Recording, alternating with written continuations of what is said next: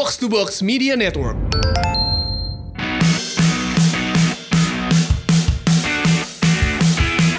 Halo, selamat datang di Box to Box Football Podcast. Kali ini gue lagi-lagi sama Coach Justin. Apa kabar Coach? Aman. Tapi ditemenin sama partner yang berbeda. Halo Rossi, apa kabar Rossi? Baik, baik. Biasanya kalau Rossi gini tuh tandanya ini malam-malam. Betul, betul. Karena kalau nggak jam segini gue biasanya nggak bisa available memang. ya? Nggak available. Padahal kalau Rossi harusnya diajaknya kemarin ya. Bosnya Rossi diajak Mas Dalipin maksudnya. Di episode Manchester sebelumnya. City. Barusan Coach Justin bilang. Soal Manchester City ya. Nah, ini ya kita mau ngomongin salah satu tren yang ya tren yang lumayan inilah lumayan mainstream lah di sepak bola. Jadi kan kalau ada ada performa yang nggak bagus, biasanya kan yang tanggung jawab kan pelatihnya ya, ya coach ya. Ya. Nah, gue mau bacain data dulu di Ligue 1 itu ada empat klub yang udah ganti pelatih sejak awal musim karena performanya buruk. Ya. Saint Etienne misalkan ganti ke Claude Puel dia peringkatnya naik nih 19 ke 15. Lyon juga peringkatnya naik setelah ganti pelatih. Bundesliga ada 5 klub. Bayern Munchen salah satunya dari Niko Kovac ke Hans Flick dia juga sukses habis itu Stop, stop, stop. Yang nggak naik kan cuma Napoli doang sama Gattuso. Yang lain kan naik semua. banyak coach yang gak naik. Terus di Eredivisie ada 5 klub yang ganti pelatih. Feyenoord ganti pelatih Buset, peringkat lu- peringkat 12 ke peringkat 3 Lu, naik. lu emang emang asli pandit komputer lu ya. Terus juga eh, siapa nih PSV juga ganti pelatih naik. VTC tetap ke 6. Nah, ini ada yang ada yang ada yang seru nih kalau di, di ada divisi ya. Ada Den Haag. Ada ini Alan Pardew nih coach. Ada komentar coach? Ah, Pernah nonton atau gimana coach? ya. Sebelum gue lanjut ke liga lain. Ellen Pardo mau pegang tim RT 9 RW 20 tetap aja hancur-hancuran.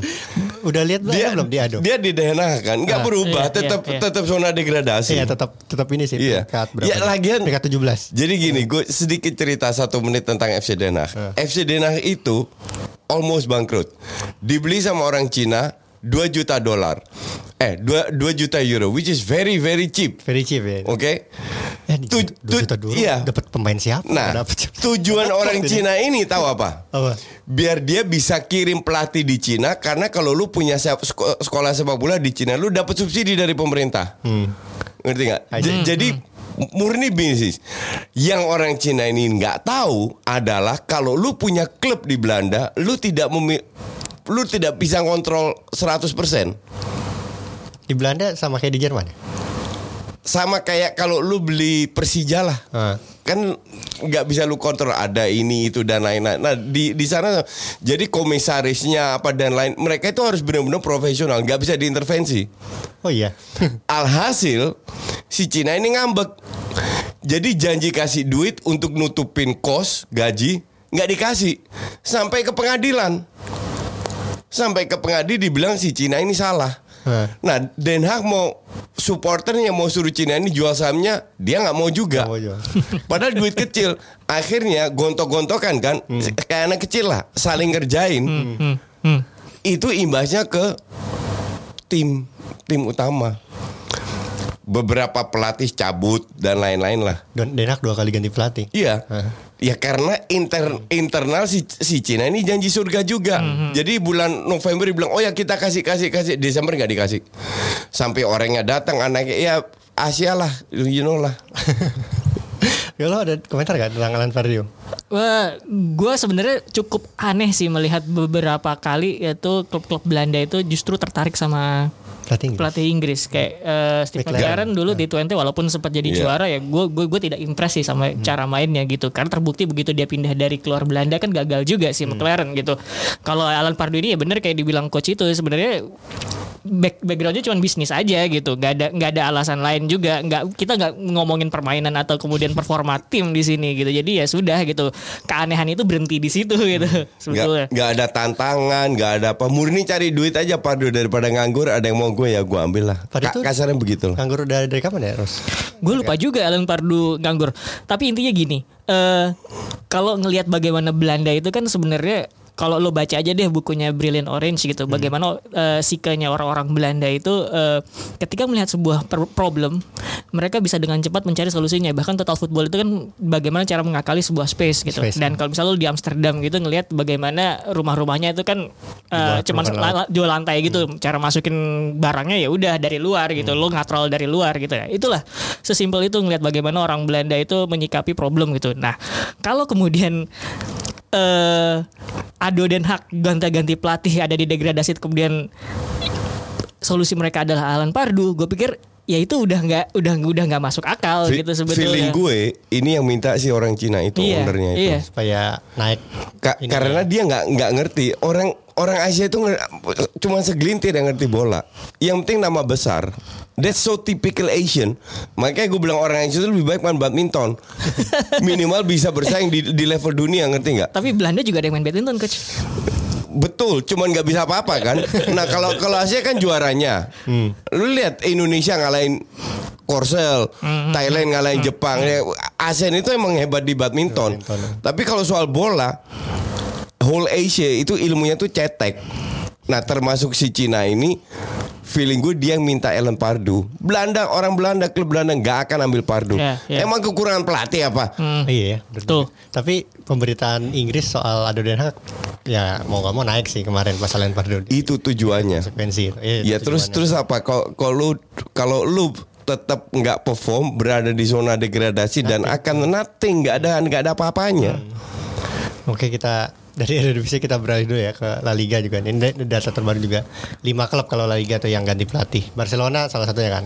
Ya Puas kan coach? banget. Sama Kike Setien itu lebih Banget. baik. Nah, kalau Premier League ada lima klub juga nih. Watford ganti dua kali, Spurs juga setelah ganti naik dari peringkat 14 ke 6, Arsenal setelah ganti ternyata turun peringkat tapi secara permainan puas kan coach dengan Arteta. Banget. Terus juga Itu Spurs akan jeblok. Spurs MU jeblok. terus juga ada Everton juga ganti ke Carlo Ancelotti nanti kita mungkin akan bicarakan lebih jauh. West Ham juga ganti ke David Moyes turun peringkat. Nah, di Serie A yang ternyata banyak nih 9 klub.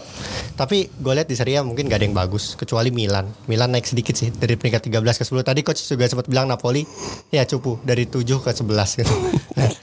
Dan akan turun lagi. turun. Lagian katanya Gattuso sih. gue mau nanya, kenapa kalau ada yang salah dengan performa klub pasti pelatihnya yang yang di yang disabet duluan gitu.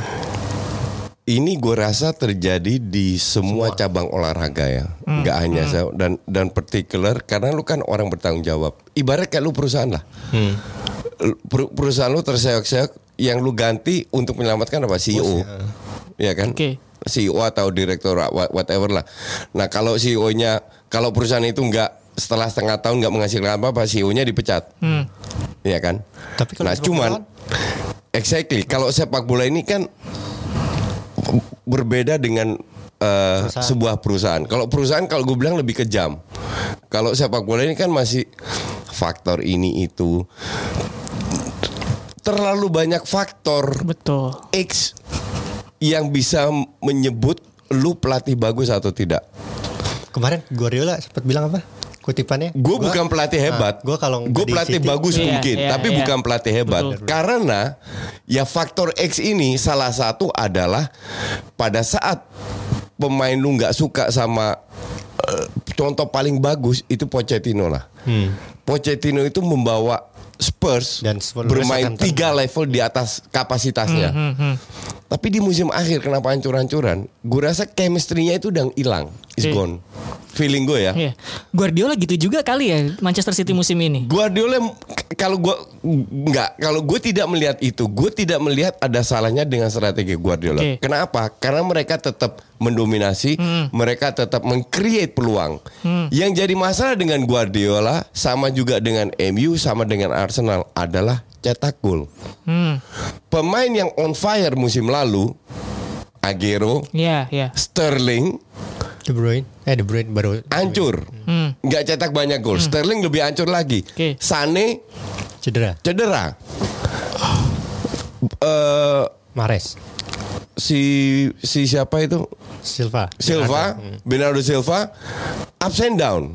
Kevin De Bruyne ups and down. Mahrez ups and down.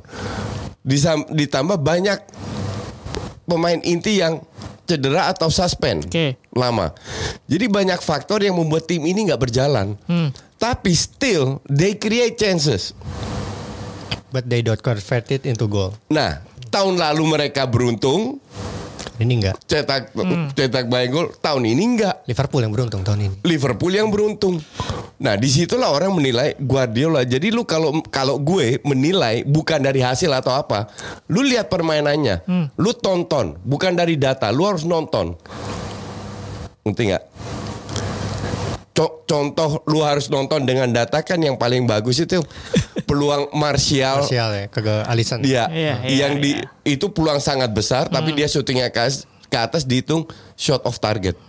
Padahal itu peluang besar banget. That's Iya. why lu harus nonton pertandingan then you can judge. Hmm. Nah ini coach juga kan kemarin siaran uh, Everton Palace ya kalau nggak salah. ya? Gue siaran Nah Everton gue Palace. pengen nanya spesifik Carlo Ancelotti apa yang diperbuat nih? Dan satu pemain yang gue lihat berkembang tuh bukan berkembang. Jadi jadi cetak gol banyak tuh Dominic Calvert-Lewin. Oke. Sebelum match eh, berjalan itu ada interview dengan Sigurdsson. Sigurdsson pemain penting.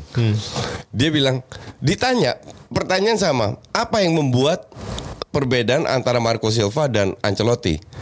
Jawabannya simpel seperti yang gue udah jawab berkali-kali dengan datangnya pelatih baru. Carlo Ancelotti membawa angin segar, melihat hal yang lebih positif. Jadi lebih non teknis dong. Kenapa gue berani mengatakan itu? Gue nonton karena gue harus nonton, bukan karena gue suka nonton, karena gue siaran. Ditambah gue lihat data, tahu eh, akurasi passing berapa? Nggak tahu. Average 72 persen. Which is lebih bet- better or worse dari Marco Silva. Klub, nah itu gue nggak tahu. Nggak tahu. Tapi klub yang Peringkat berapa sekarang ya? Everton peringkat 7. I don't care about peringkat. Tapi klub yang yang punya filosofi jelas, yang menguasai pertandingan, yang layak, yang punya peluang menang untuk enggak karena berdasarkan sebuah strategi itu akurasi passing minimal 85%. Oke. Jadi lu 10 kali passing ibarat tiga kali salah. Ya, salah. ya. Ya kan? How can you membuat sebuah serangan membangun dengan berdasarkan filosofi? Entah itu namanya Liverpool, entah itu namanya Chelsea, entah itu namanya eh, City. Kalau lu akurasi passing lu begitu rendah. Pertanyaan kedua kan adalah so why they still win? Ya kan? Nah, itu jawabannya yang jawab bukan gue, Sigurdsson yang jawab. Jadi dari sisi non teknis lagi naik daun semua, lagi positif ini itu. Karena kalau lu lihat squadnya Everton, it's not that bad loh. Betul, betul. It's not that bad. Dalam arti mereka layak berada at least bersaing untuk European League lah. Dan mereka berada dalam posisi itu. Kalau kit, that's why orang banyak tanya di Twitter. Ance, ance, ance. Gue bilang untuk gue belum terbukti. Kalau dia basu- masuk empat besar, seperti yang dilakukan Rodgers dengan Leicester City-nya, itu baru ance hebat. Karena Ancelotti selalu memegang tim yang pemainnya hebat semua. Tuh. Everton hebat ya. Enggak. Tadi coach bilang oh Per- pertama lumayan. kali, Nah, ya, pertama kali dia pegang tim di mana pemainnya tidak hebat, yaitu Everton. Bukan top dunia ya, tapi kalau lihat kualitasnya is not that bad, nggak jelek-jelek amat kualitas Everton. Tapi kalau lihat track recordnya Ancelotti, di mana-mana dia dijuara, semua dengan pemain bintang, oke? Sekarang dia harus membuktikan bahwa dia pelatih hebat, dia nggak usah juara lah. Bisa juara ya. Masuk empat besar dengan Everton baru gue bisa bilang ini pelatih hebat. Kalau gimana Ros? Lihat Ancelotti. Gue pernah bilang kayak di sini juga eh, Ancelotti itu sebetulnya pelatih yang gampang banget menyesuaikan diri. Ya benar kayak yang dibilang coach eh, bahwa dia membawa angin segar itu emang gitu. Pengakuan pemain-pemain yang pernah dia latih tuh Ancelotti itu selalu leadership kebersamaan gitu. Ya udah yang penting lo enak di dal- di ruang ganti itu memang seperti itu gitu. Gue gue pernah membaca sendiri pengakuan pemain-pemainnya dan gue pikir itu dikombinasikan dengan eh, bagaimana dia ngeliat oh tim gue punyanya kekuatan seperti ini nih lemahnya di sini ya udah gue gunakan formasi seperti ini strategi seperti ini makanya lu nggak pernah lihat sebenarnya Ancelotti itu kalau lu bisa gini deh Guardiola itu mainnya adalah Wego de position Hmm. Manfaatin space, ball possession, positioning pemain. Jurgen Klopp pressing, direct gitu kan. Ancelotti lu apa? Lu bakal menemukan banyak formasi berbeda yang dia gunakan. Gayanya juga berbeda-beda. Di Milan dia gunain Christmas tree gitu. Di PSG 4231. Itu semuanya tergantung dengan pemain apa yang dia punya gitu. Jadi gue pikir emang dia bisa menyesuaikan keadaan di mana tempat dia berpijak dan itu tadi yang gue pikir eh, yang kemudian membuat dia gampang beradaptasi di tiap eh, klub yang dia tanganin yaitu tiap dia datang dia bikin enak ruang ganti dulu itu sih sebetulnya. Ada ceritanya apa? Suruh makan bareng apa? Iya, ya itu juga ada. Itu gue juga pernah baca kayak gitu. Dan gue pikir ya sa- itulah kemudian kenapa orang nyaman banget sama Ancelotti gitu.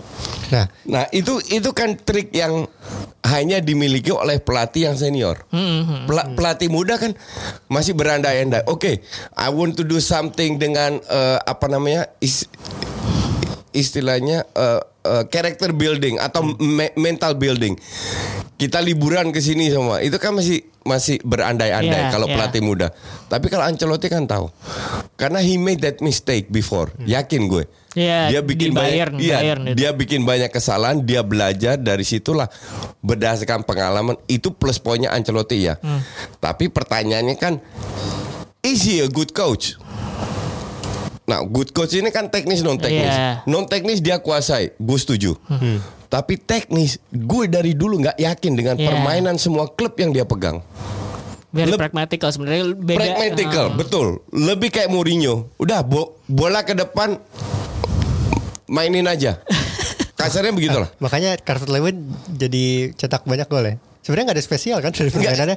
Nggak, ada spesial, cuman kalau lu tidak bisa bilang dia jelek atau bagus, Iya. karena ini kan baru pertama kali. Hah. Lo harus lihat ke depan musim depan tetap nggak? Hmm. Terus Benar-benar. setelah itu masih ma- masih bi- bisa cetak banyak gol nggak? Kalau nggak salah Ancelotti bilang uh, Calvert Lewin mengingatkan dia kepada Inzaghi ya. Iya. Inzaghi itu nggak beda bisa sih. main bola loh. Iya, makanya. Bu- buat gue sebetulnya beda sih. Inzaghi itu lebih punya insting ketimbang Lewin gitu. Lewin masih punya skill, Iya. ma- ma- masih bisa main. Dua arketipe yang berbeda sih Un- un- sebetulnya. Untuk gue yang yang mirip Inzaghi itu apa? Martinelli Arsenal. Itu mirip banget Inzaghi. Nggak bisa main botasnya hancur-hancuran visi hancur. Tapi cetak positioningnya bagus dong berarti. positioning insting. Instingnya. persis kayak Inzaghi. Inzaghi itu ngelewatin tiang listrik nggak bisa loh kalau kasih bola. Ngerti nggak lo? Di Euro tahun berapa gue cek Peter Cech loh itu sebetulnya. Ya gue nggak tahu itu lupa Ka- kasarnya begitulah tapi dia selalu cetak gol Nah tapi kan tadi banyak yang setelah ganti pelatih tadi mungkin ada angin segar segala macam makanya rata-rata naikkan performa. Nah cuman gue mau tanya nih satu klub ini dia nggak ganti pelatih nih. Southampton setelah 9-0 di bantai Leicester mereka bisa bangkit pernah tak terkalahkan 8 pertandingan. Nah itu adalah salah satu contoh anomali menurut gue. Di mana nggak anomali nggak anomali bisa Nggak. aja. Nggak. Soalnya kan biasanya kayak gitu kan ya udah Nggak. dipecat tuh. kalau lu punya manajemen yang ngerti bola, bukan duit doang, lu tahu bahwa Hasan Hutel ini pelatih hebat. Hmm. Kalau lu memilih pelatih berdasarkan kualitas dia, itu lu lihat dari CV-nya, dari track recordnya. Kalau lu lihat Hasan Hutel pas di Red Bull, track recordnya seperti apa, ini pelatih hebat Dan juga cara Ba- bermainnya ya. cara bermainnya, filosofinya bahwa dia tidak berhasil di Soton karena kualitas pemainnya. Oke. Tapi kualitas pemain ini kan butuh waktu lagi. Dan waktu itu diberikan oleh manajemen karena manajemen Soton paham bola. That's why mereka selalu jual pemain. Berarti gini ya. Sebuah klub itu mestinya memberikan kesempatan kepada pelatih ketika sudah memahami kualitas si pelatihnya dulu gitu, nggak asal ya udah beri kan sering kita bikin denger klise kayak gitu kan. Betul. Ini contoh paling bagus kan untuk gue. MU ambil Mourinho. Hmm, hmm, hmm. itu contoh paling bagus ambil pelatih hanya sekedar nama strategi ancur-ancuran ngerti nggak dapat memang dapat piala ciki. Tapi lu lihat kualitas pemain MU dong.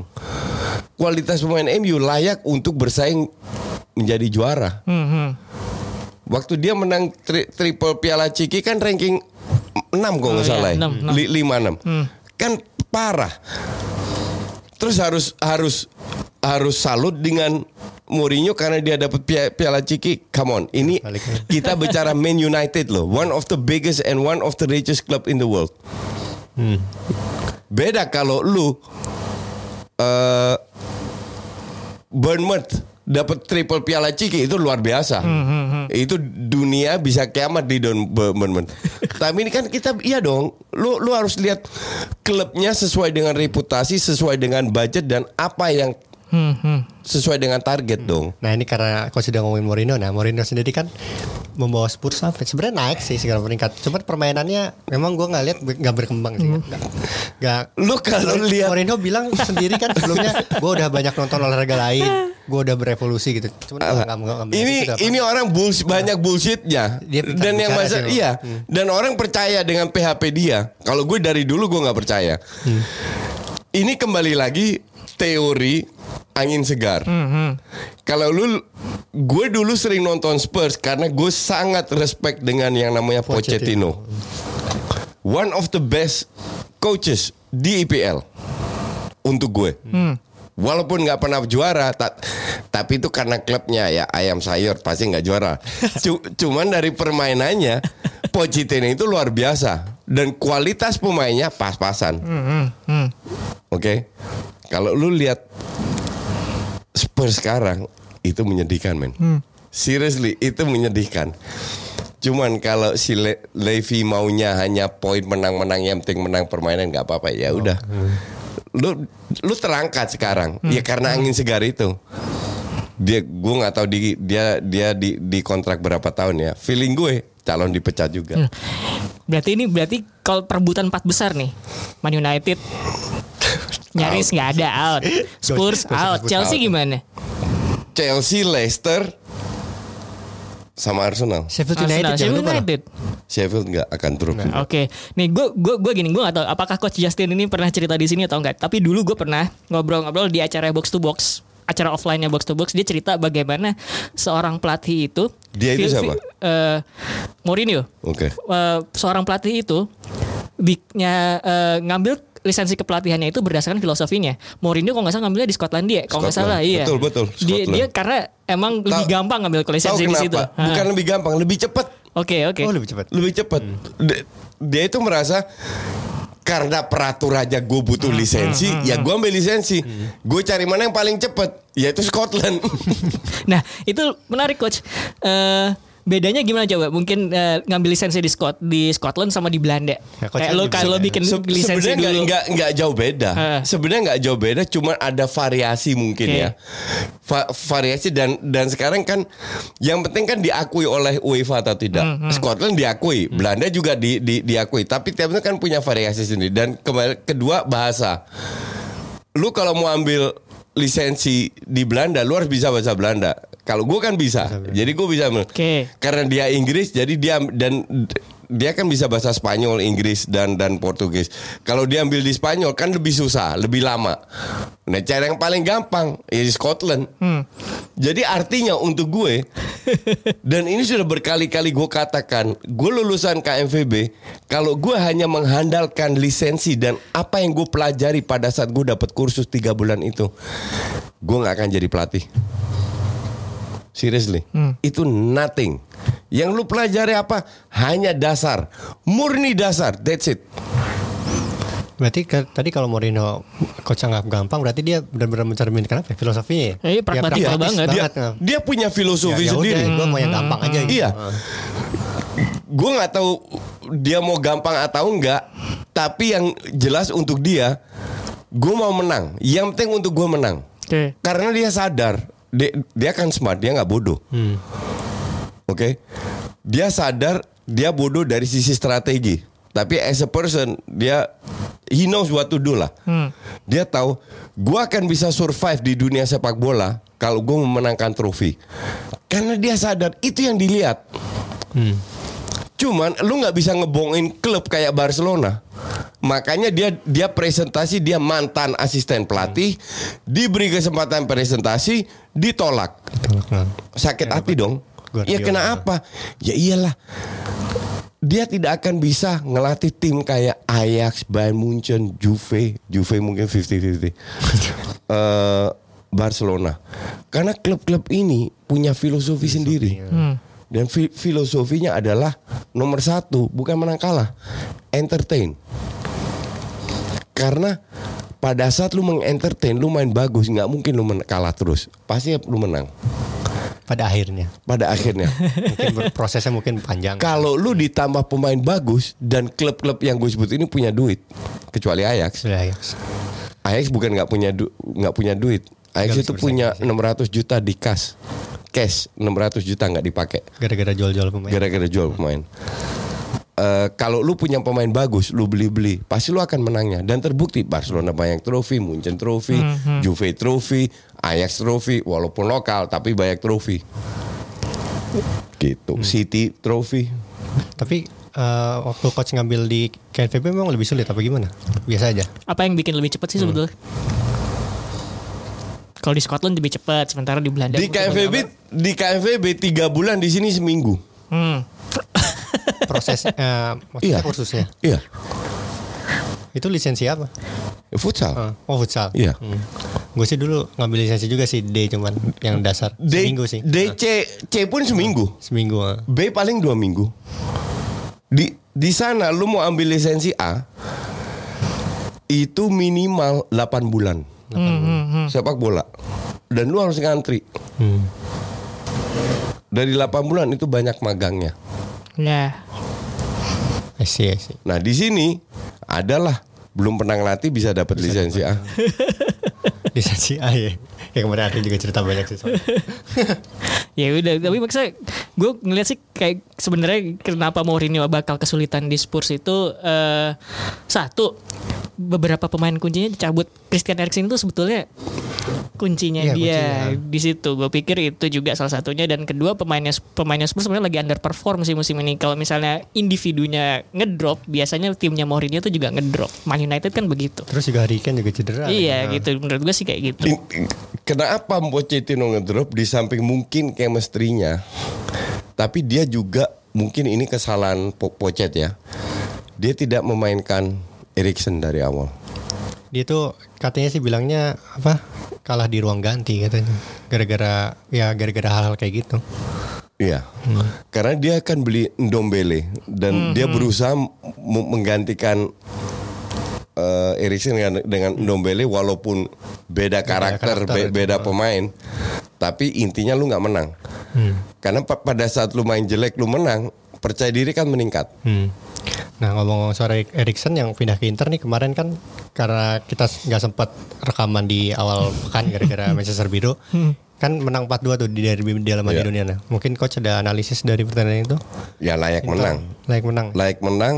Cuman kedua tim ini bermain lebih berhati-hati. Jadi lebih pasang banyak ke midfielder yang karakternya bertahan daripada menyerang. Tapi Per- perbedaannya adalah kenapa kok babak pertama Milan unggul 2-0. 2-0. Jangan salah.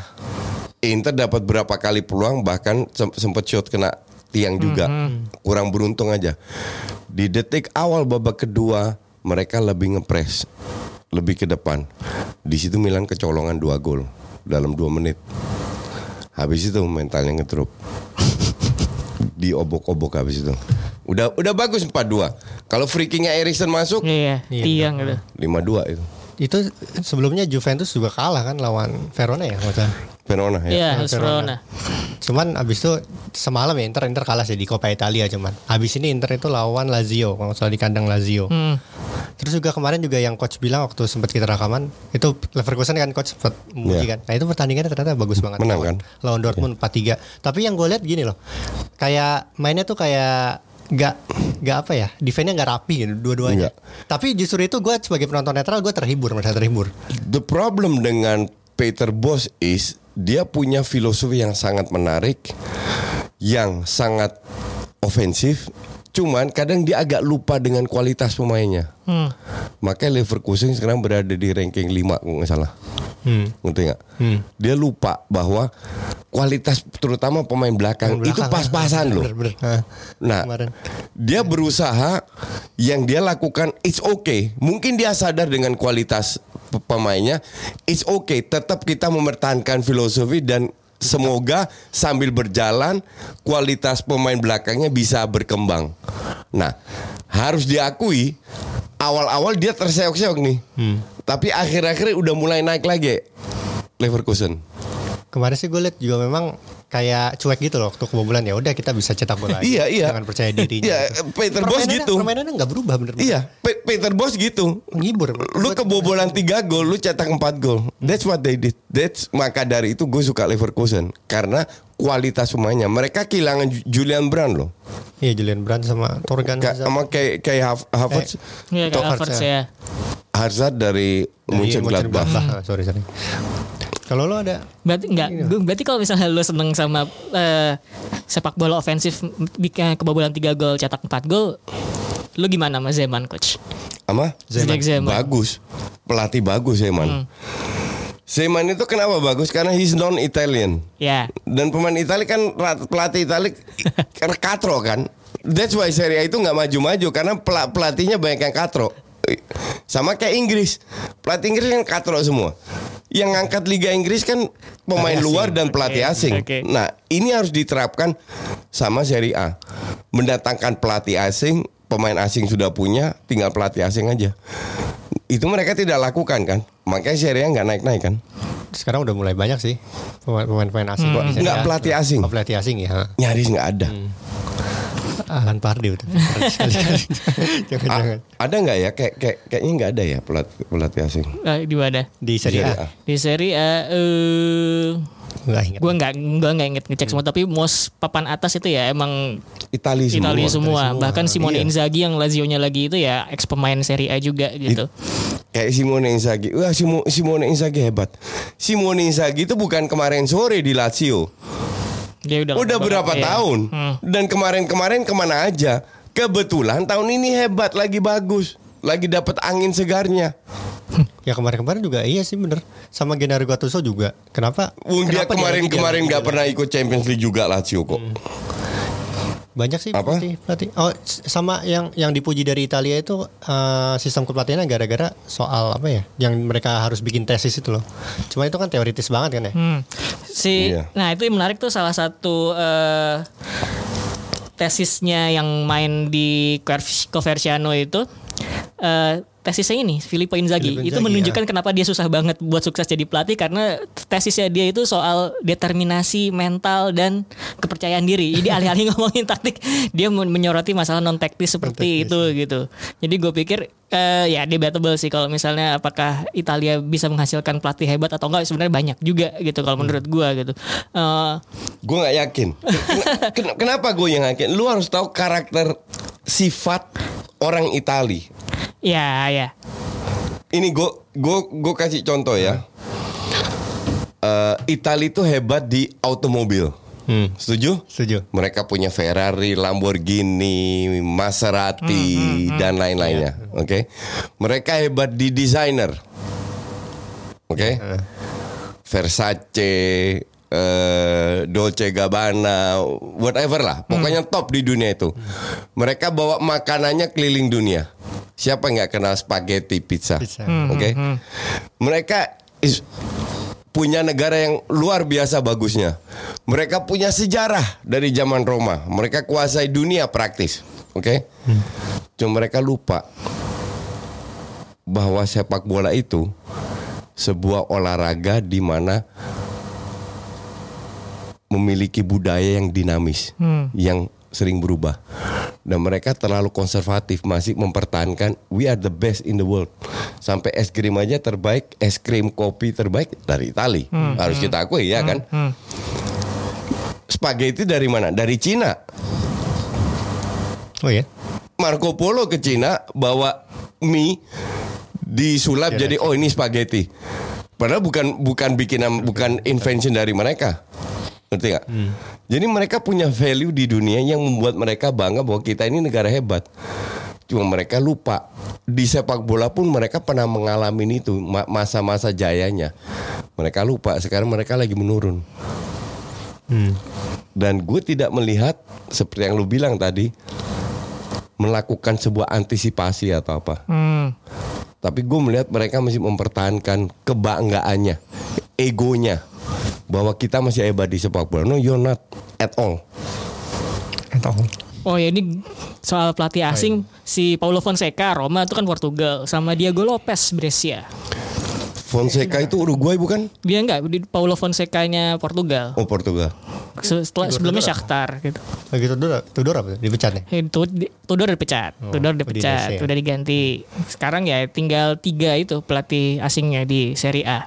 Fonseca, Ivan Juric, sama Diego Lopez. Ya, dan itu papan bawah. Ya, ya. Dan Roma lagi terseok-seok Paulo Fonseca. Ya. Oh ya coach, ada satu berita yang hot juga nih coach. Hakim Ziyech. Ya. Di- menyatakan eh, pindah ke Ya, Chelsea. itu yang tolol siapa? Arsenal. Lu beli PP 70 juta. Ada yang murah Hakim Ziyech, 30 juta. Lu tahu sampai Arsen si Overmars tahun lalu bilang Hmm, hmm. harusnya Özil dijual beli Ziyech. Ziyech itu harganya sekitar 40-an. Sampai Overmars itu karena dia mantan Arsenal, dia masih sayang sama Arsenal sampai Overmars dirteknya Ajax mengatakan itu. Kalau Arsenal datang ke Overmars, gue yakin Arsenal diprioritaskan. Beda 1 2 juta. Arsenal diprioritaskan bukan Chelsea. Tapi itulah tololnya Arsenal. Gue nggak tahu ya, tapi gue ada kekhawatiran kalau misalnya Ziyech ke Arsenal itu mungkin lebih cocok ketimbang misalnya ke Chelsea gitu. Chelsea itu kan Setuju. lebih direct sebetulnya Setuju. gitu. Karena Setuju. gue gue merhatiin cara mainnya Ziyech gitu kalau misalnya di Ajax ya. Gue gue gue merhatiin Ajax itu. Main 4-3-3 dia di sentral. Main 4 kalau misalnya main 4-2-3-1 dia juga bisa main dia di ya di attacking midfielder Di- tengah iya, atau sayap, bet- penyerang betul, sayap gitu. betul. Arsenal lebih cocok. Betul. ada ada dia bisa punya kesempatan gitu misalnya untuk mikir nyari ruang oh ya kreasin peluangnya ke sini ke sana gitu nah gue nggak tahu ntar di Chelsea kayak gimana nih? Sebelum kalau lanjut- pelatihnya Lampard gitu. Sebelum lo, ah sebelum lo lanjut tadi gue mau bilang gitu. Lo sebenarnya nggak lagi ngomongin klub tapi lagi ngomongin pelatihnya siapa kan? iya iya iya. Tapi kan gini Lampard itu udah dijanjiin nih gue bakal ngasih lo duit setelah kemudian kemarin kena embargo kan gitu. Musim pertama orang ekspektasinya rendah sama dia. Ya udah lo lo kan nggak- lo kan lagi di embargo gitu. Kemudian sekarang musim kedua ntar lo gue beliin pemain kita lihat nih gimana ceritanya. Dibeliin ya gitu. Ya gue gue gue sebenarnya bingung jujur jujur aja bingung. Gaya mainnya Lampard itu transisinya cepet banget dari bertahan ke menyerang Ziyech ini posisinya ntar bakal di mana gitu Betul. role-nya That's why gue bilang di Twitter gue semoga dia gagal. Biar abis itu pindah ke Arsenal. Terus pindah ke Arsenal. Karena dia memang lebih cocok bener. Benar, be- benar apa yang apa apa yang lu, lu, lu bilang tadi. Ziyech itu visinya luar biasa. Dia harus bermain dengan di bawah tim kayak timnya Pep. Dia lebih cocok di City, City di Arsenal, di Barca daripada di Madrid. Daripada di Milan, daripada di MU. Di Juve juga. Ngerti nggak? Nggak cocok. Tapi bagus lah biarin lah beli mahal-mahal ntar kan lebih murah. Sebenarnya 40 juta nggak Tapi nggak nggak mahal nggak nggak mahal buat Inggris. Tapi ntar kalau setahun jeblok hancur-hancuran kan tahun depan bisa jual ke Arsenal 20 juta. Pulisic aja nggak nggak sukses kok di Chelsea tuh Oh itu kan agak sukses Pulisic. Iya, nggak maksudnya jadi bench di bench terus gitu. Nggak, gue ngeliatnya mungkin gaya mainnya di Jerman itu kan lo lebih free flowing sebetulnya sementara Inggris Inggrisnya Inggris apalagi Chelsea yang Lampard lebih direct gitu. Makanya itu itu contoh kecil aja sih kalau menurut gue. Sama kalau lagi pada bursa bursa transfer udah ditutup ya. Cuman ini ada dua berita sebenarnya selain Ziyech tuh ada Jadon Sancho yang ke Man United ini gimana sih masih gosip kan? Kalau itu masih Nggak, itu bener gosip. Kan? Itu Gosip gosip. Sky Germany yang nulis gitu. Eh, Jadi sebenarnya bukan Jadon Sancho ke Manchester United tapi ada kemungkinan Jadon Sancho pergi di musim panas tapi kemudian ada kemungkinan Manchester United bakal catch dia gitu. Gajinya 200 ribu pound. Itu rumor terakhirnya kayak gitu Kalau sebetulnya. nggak salah Sancho tuh memang fans Man United kan? dia Meskipun dia mantan di iya, Man City. Iya, gue gue baca juga gitu. Tapi kalau menurut gue emang Man United ini lagi butuh ini aja sih eh, poster boy baru gitu eh, untuk sebenarnya mereka kan lagi nggak jelas nih planningnya mau ngapain gitu. Jadi nutupinnya itu ya dengan image aja gitu. Kalau lo bisa dapat signing yang bagus, eh fans lo tuh bakal reda. Lo gini deh, kemarin lagi protes-protes, terus kemudian signing Bruno Fernandes, Bruno gitu itu Fernandes. agak reda. Protes di Old Trafford tuh kemudian kemarin jadi batal gitu. Jadi ya itu yang sebenarnya lagi dikritik sama Man United gitu. Signing itu bukan for the sake of ningkatin gaya main ya mungkin iya gitu permintaan pelatih cuman gue ngeliat dari sisi problem di sisi manajemen di atasnya itu ya itu buat ngatrol image doang gitu Gue merasa Sancho soalnya masih harus apa ya di Bundesliga tuh perkembangannya bagus sih. Iya, memang. Rasa rasanya Ta- terlalu cepat. Tapi kembali. level kualitas Bundesliga kan beda sama Hmm. IPL. Kalau gue nggak tahu ya, gue sih sangat berhati-hati dengan memberi memberi stempel kepada pemain itu hebat atau enggak. Kecuali kayak Mbappe, Hmm, kayak Neymar, itu udah bener-bener kelihatan. Messi, Ronaldo. Tapi mereka tidak cocok, mereka belum mencapai selevel Halan tidak, Sancho tidak, selevel yang yang gue sebut pemain tadi. Makanya gue merasa, Bu- bukan berarti mereka jelek ya. Belum sampai. Iya, gue merasa di Bundesliga tuh mereka bisa menatap butuh betul. Iya, bahkan seorang Sancho umur dia berapa sih? Dua dua dua tiga, Hmm. Hmm. dua tiga dua tahun lagi lah. Sampai umur 25 baru pindah. Baru pindah ke- Sampai dia secara emosional udah mateng. Halan pun sama. 19 Sancho malah. 19 coach. 19. Iya. 19 minimal 2-3 tahun lagi di Bundesliga. Bundesliga. Halan sama ceritanya. Iya sih. ha. Nah kebetulan nih dua tadi dua pemain ini yang digosipin ke kesebelasan berbeda akan bertemu nih. Chelsea lawan Man United itu di hari Senin. Dini hari. Senin eh Selasa dini hari. Selasa dini hari, Selasa iya. dini hari.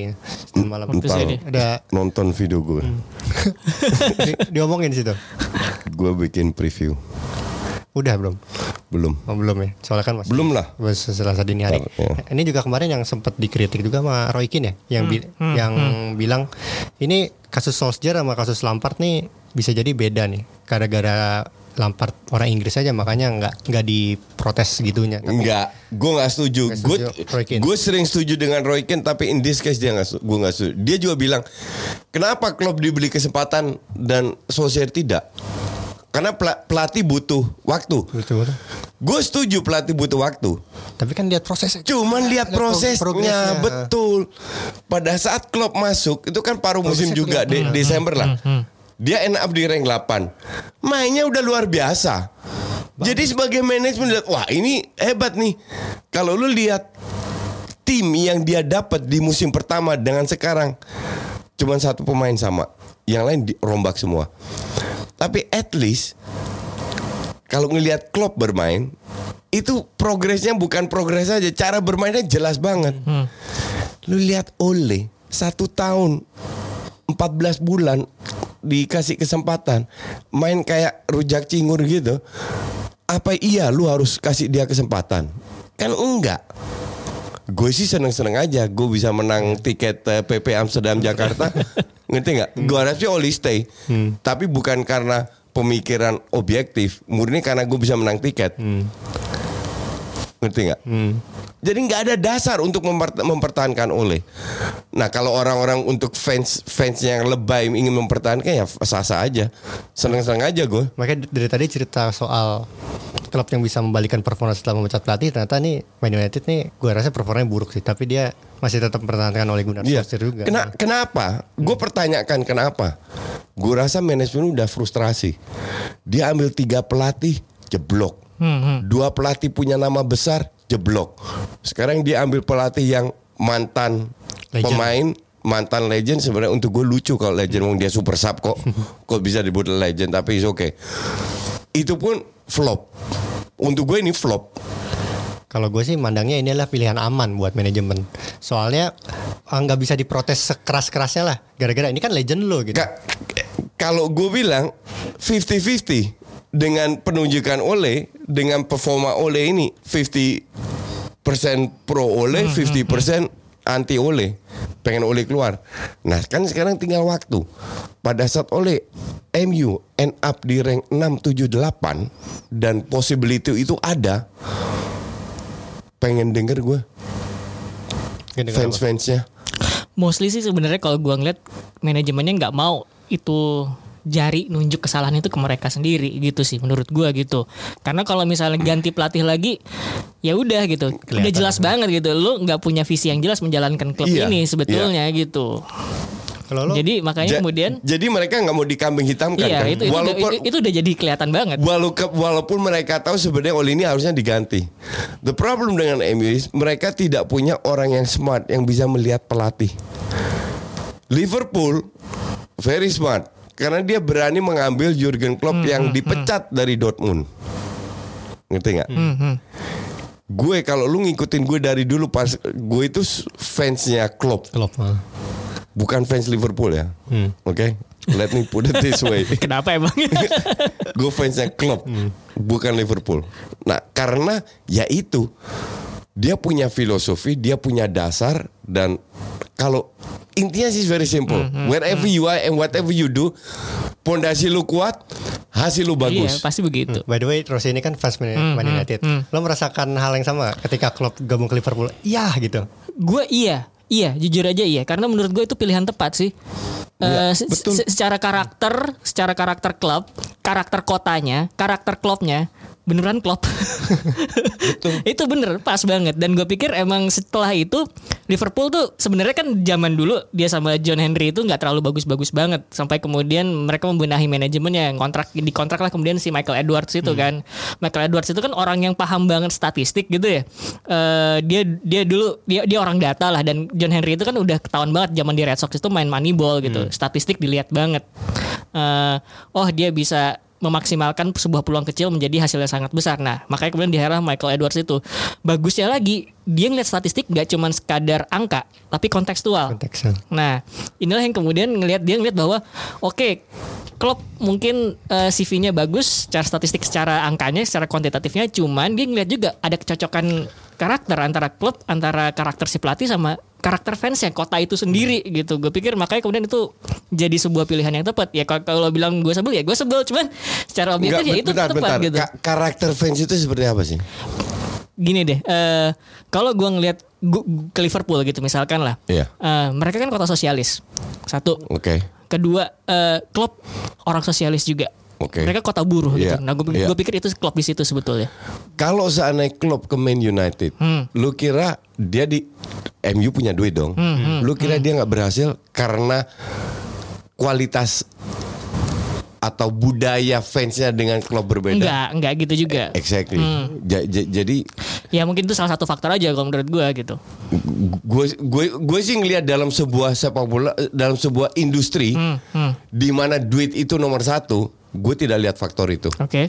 Untuk fans sama kayak fans kalau di Belanda kan Feyenoord, Hmm, hmm. Pelabuhan, Oke. Li- Liverpool, buruh. Kalau mereka dapat pelatih yang flamboyan, yang songong, yang yang tidak rendah hati, selama pelatih ini bisa mencapai me- menghasilkan trofi, ini pelatih akan dijunjung tinggi. Hmm. Intinya sih di situ. Kalau gue ngelihatnya, Oke. same like pemain juga sama. Sekarang zaman sekarang pemain loyal, fuck you lah. Lu kira Messi loy nggak loyal kalau dia dikasih gaji rendah? Messi itu gaji lebih tinggi daripada Ronaldo loh. Tertinggi di dunia itu Betul. Messi. 400 Oh, tahun. Neymar mungkin sekarang ya. Messi legend nomor berpuluhan tahun. Kenapa Messi stay di Barca? Karena dia dapat semua yang dia inginkan, terutama gaji, bonus, bla bla bla. Terus pajak juga. Iya. Ini lagi di, di Spanyol. Exactly. Jadi kalau lu bilang sekarang loyalitas fuck you lah. Bullshit lah itu loyalitas. It doesn't count gitu loh. Loyalitasnya terakhir zaman Totti udah that's it. Habis itu nggak ada lagi. Berarti di masa depan gak akan ada. Gak akan ada. Bohong besar kalau loyalitas. Tapi gak yang mendekati itu sekarang gak ada ya pemain loyal. ya? Pemain loyal. Ah, gua gua bener Udah percaya gue lah. Totti terakhir itu Gak ada bener. nggak ada. Karena it's all about money. Sepak bola sudah menjadi sebuah industri, mobil tambah mahal, makanan tambah mahal, they need money, sesimpel itu. Oke. Seperti yang menarik bicara. Kayaknya Gue ya kalau gue pikir sih ya emang bener ke fans mungkin bakal terima cuman sekali lagi ya itu tadi gitu kalau misalkan segala sesuatunya harmonis itu emang suasana klub itu emang lebih enak sih itu aja sih kalau menurut gue Itu betul. Hmm. Tapi ujung-ujungnya, apalagi kita bicara klub besar seperti Liverpool. Liverpool, ujung-ujungnya price juga. andaikan, andaikan ya. Andaikan Liverpool tahun ini juara, tahun depan terseok-seok, tetap nggak dipecat itu klub. Andaikan tahun ini gak juara? Nggak mungkin. Enggak, ini andaikan aja, andaikan. Nggak. Gue mau berandai-andai kalau ada Hmm, Kejauhan peluang, kalau ada peluang satu persen. Hmm. Masalah ini enggak? Ini gue satu juta persen yakin. Jadi buat apa berandai-andai? Ka- Kalau masih ada peluang satu persen, gue mau berandai-andai. Ini bukan 100 persen, sejuta persen Liverpool juara. One million. I guarantee you. Sebenarnya udah gue bilang dari bulan Fe- bulan November, tapi orang nggak nggak percaya kan itu. Sama kayak tahun lalu. Tahun lalu mereka ahead 10 points. Gue bilang Liverpool tidak juara. Lu tanya Febri deh. Febri fans Liverpool sampai ny- nyesek dengernya. Liverpool nggak bakalan juara. Nggak juara kan? Juara. Tahun ini November gue bilang Liverpool pasti juara. Jadi nggak usah berandai-andai. They will win. like it or not. Kalau Arsenal empat besar, Gini. kalau Tiga kita kalau kalau kita bicara Arsenal, MU, uh, Chelsea Iya, iya, iya. itu 1001 teori. Oke. Termasuk dari gue. Oke. Tapi gue punya keyakinan bisa. oke. Musim ini bisa besar. Musim ini bisa dan bisa sangat bisa end up di atas MU. Murni karena apa? Bukan pemain. Pemain MU masih di atas Arsenal kualitasnya menurut gue. Murni karena faktor pelatih. Oke, Ini, ini, ini nutup ya. oke. Andaikan nih Liverpool juara, lo sebagai fans Man United, maksudnya akan ngapain gitu lah? Men, gue gue udah siap ngeliat Liverpool juara bahkan sejak pertengahan sejak sebelum eh, Januari gitu. Jadi gue pikir ya udahlah relain aja daripada kemudian nahan-nahan terus kemudian itu nggak pecah telur dan lo susah move on gitu. Ya udah relain aja kok gue bilang. Jadi justru dengan kayak gini, lo sebagai fans Man United merasa Ya lebih udah, legowo gitu, iya. Ya udah kita udah siap-siap daripada kayak dulu di disabet sama Aguero Man City itu lebih nyesek kan? Iya, itu Di. Kalau coach mungkin Gue gak ada sensitivitas apa apa. Gue sih gini ya. Gue itu sangat gue sih cukup senang Liverpool juara. Kenapa? Karena ada Wijnaldum van Dijk di situ. Satu. Kedua, gue fansnya Klopp. Oke. Ketiga, nggak ada pemain yang songong. Pemainnya rendah hati semua. Cuman yang satu gue nggak rela. Fans kardusnya kebanyakan yang songong itu untuk mereka gue nggak rela. gue juga punya teman-teman yang supporter Man, eh, supporter Liverpool yang gue gak ngerti nih kalau kalau mereka beneran ngangkat piala Henderson ngangkat piala trofi Premier League mereka akan kayak gimana cuman Iya. gue sendiri bakal ini ya kalau di hari Liverpool juara gue akan akan jalan-jalan tiap ada orang pakai seragam Liverpool akan gue salamin